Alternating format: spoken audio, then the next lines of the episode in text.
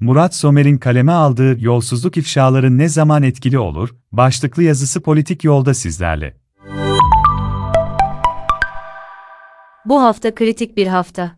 Çünkü yakında 6 muhalefet partisi liderinin ortak bir açıklamayla gelecek vizyonlarını ortaya koymaları ya da bunu ne zaman yapacaklarının açıklanması bekleniyor. Bakalım daha fare mi doğuracak, yoksa liderler duruşları ve çıkışlarıyla Türkiye siyasetinde yeni bir yol, yeni bir eksen açabilecekler mi? Bundan sonra toplumun büyük çoğunluğu otoriterlik ve çoğunluk için, yoksulluk deyince bilindik bir yere doğru, demokrasi ve refah umudu deyince muhafazakorlayık, Türk-Kürt, genç yaşlı vs ayrımlarını bir kenara koyup onlardan tarafa bakmaya başlayacak mı? Yani seçmen beklentilerinde köklü bir değişime ve seçmen tercihlerinin yeniden sıralanmasına yol açabilecek bir dönüm noktası olacak mı? Güçlendirilmiş demokratik parlamenter sistemin içi ne kadar dolu olacak? Katılımcı ve daha temiz bir siyasal sistem umudu verecek mi? Etkin bir ortaklık mı sergileyecekler, esnek bir ortaklık mı?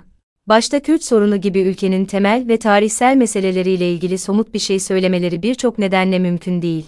Ama bu gibi konulara yönelik demokratik, kapsayıcı, yapıcı ve uyumlu bir tutum sergileyecekleri umudunu, meclisin en kutuplaştırıcı konuların bile husumetten uzak ve medeni bir şekilde konuşulduğu bir sorun çözme alanı olabileceği güvenini yaratabilecekler mi? Soluğumuzu tutmuş bekliyoruz. Ama bugün geçen yazımdan devam ediyorum.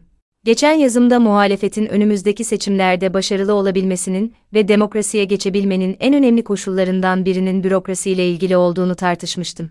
Bürokrasinin güce ve otoriter iktidara değil hukuka, anayasaya ve yasalara sadık davranmasının önemini vurgulamış ve Kemal Kılıçdaroğlu'nun buna yönelik siyasetinin doğru olduğunu yazmıştım. Konunun güvenlik bürokrasisiyle ilgili boyutuna yönelik çok önemli sorular soran bir yazıyı da Hakan Şahin kaleme almış. Peki Kılıçdaroğlu'nun yolsuzluklarla ilgili çıkışları ve ifşaları ne oranda başarılı olabilir? Daha doğrusu seçmen tercihlerini ne kadar etkileyebilir? Bu soru önemli çünkü bu Kılıçdaroğlu'nun yolsuzluklarla ilgili ilk çıkışı değil. En az 10 yıldır yapıyor. Bu soruyu yanıtlamak şunun için de önemli.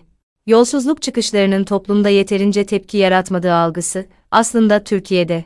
Olmaz sendromunun bir ürünü olan, Türkiye'de halk yolsuzluklara alışıktır, adalete değil cebine bakar yanlış kanaatini besliyor. Toplumu içten içe çürütüyor. Türkiye duyarsız bir toplum mu? Oysa bu durumun dünyada çok daha bilinen bir açıklaması var. İktidarın kademeli otoriterleşme politikalarıyla Türkiye'de toplum uzun zamandır siyaset bilimcilerin, istisnai olağanüstü hal dediği bir duruma sokuldu. Bunu uzun zamandır kamusal paylaşımlarımda vurguluyorum. Sadece devletin denge ve denetleme mekanizmaları değil, toplumun vicdanı, bilimsel doğru ve aklın temsilcisi olarak işlemesi gereken bağımsız medya, akademik üniversiteler ve meslek örgütlenmeleri de devreden çıkarıldı.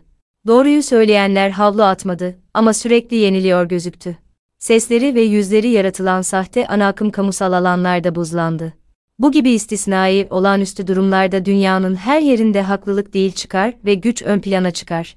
Teşbihte hata olmaz, bir savaşın ortasında kaldığınızı düşünün. Çoğunluk için kim haklı deme lüksü kalmaz. Kim güçlü ve kazanacak sorusu daha ön plana çıkar. Haklı ama zayıf olanın yanında olmak haksız ama güçlü olanın yanında olmaktan çok daha tehlikeli hale gelir. Kutuplaşma ve otoriterleşme dönemleri de tam bu nedenle çok tehlikeli ve yıkıcı dönemler. Çünkü toplumu bir arada tutan haklılık, adalet, hakkaniyet duygularını ve normalarını geri plana itip güç ve çıkarı ön plana çıkarıyorlar. Sadece zaten bu zihniyette olan ilkesiz ve omurgasız insanlar değil, normal koşullarda ahlak ve adalet hassasiyetine sahip insanlar da bu durumdan etkileniyor. Çünkü ayakta kalma güdüsü en temel güdülerden biri. Tüm kurumu kendisine sırtını dönmüşken zorla atandığı makamlarda kalabilen hatta tüm yönetime kendisine atayan şahsiyetlere layık sıfat bulamadığım için bu analizin dışında tutuyorum. Yani yaşadığımız durum Türkiye'ye özgü değil. İsterseniz Soğuk Savaş filmini izleyin. Ve elbette her toplumda herkes bu durumdan aynı derecede etkilenmiyor. İdealist, aktivist veya imkanı olan insanlar demokrasi ve adalet mücadelesini sürdürüyor, diğerleri de kapalı veya açık destek veriyor. İşte bu açıdan Türkiye hiç de fakir bir toplum değil. Aksine çok inatçı. Adalet temalı partiler üstü hareketlere kitlesel destek hep oldukça güçlü.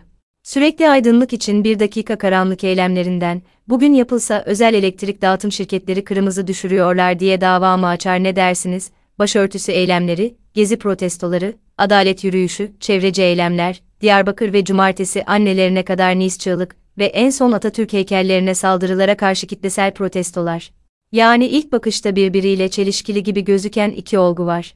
Bir yandan yolsuzluk ifşalarına kayıtsız gözüken seçmen tercihleri. Diğer yanda adaletsizliklere karşı oldukça sesli ve tepkili toplum.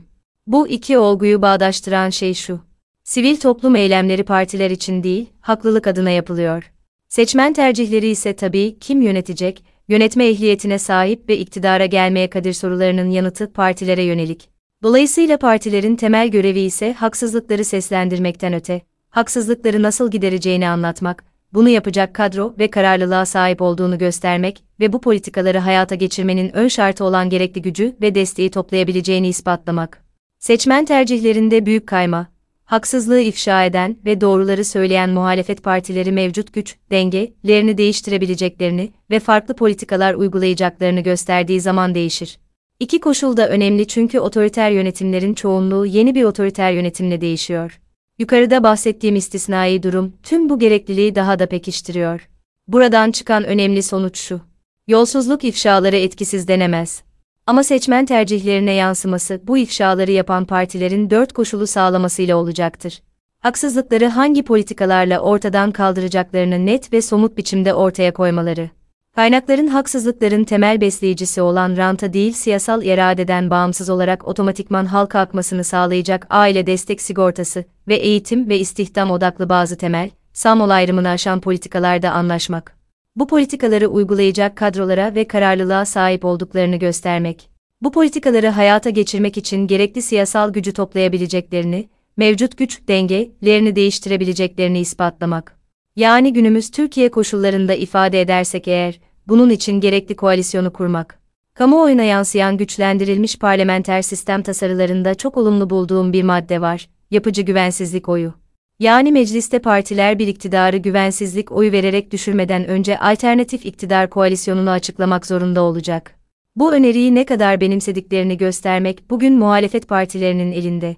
Çünkü özünde bugün de muhalefet partileri halka bir nevi, iktidara güvensizlik oyu ver diyorlar.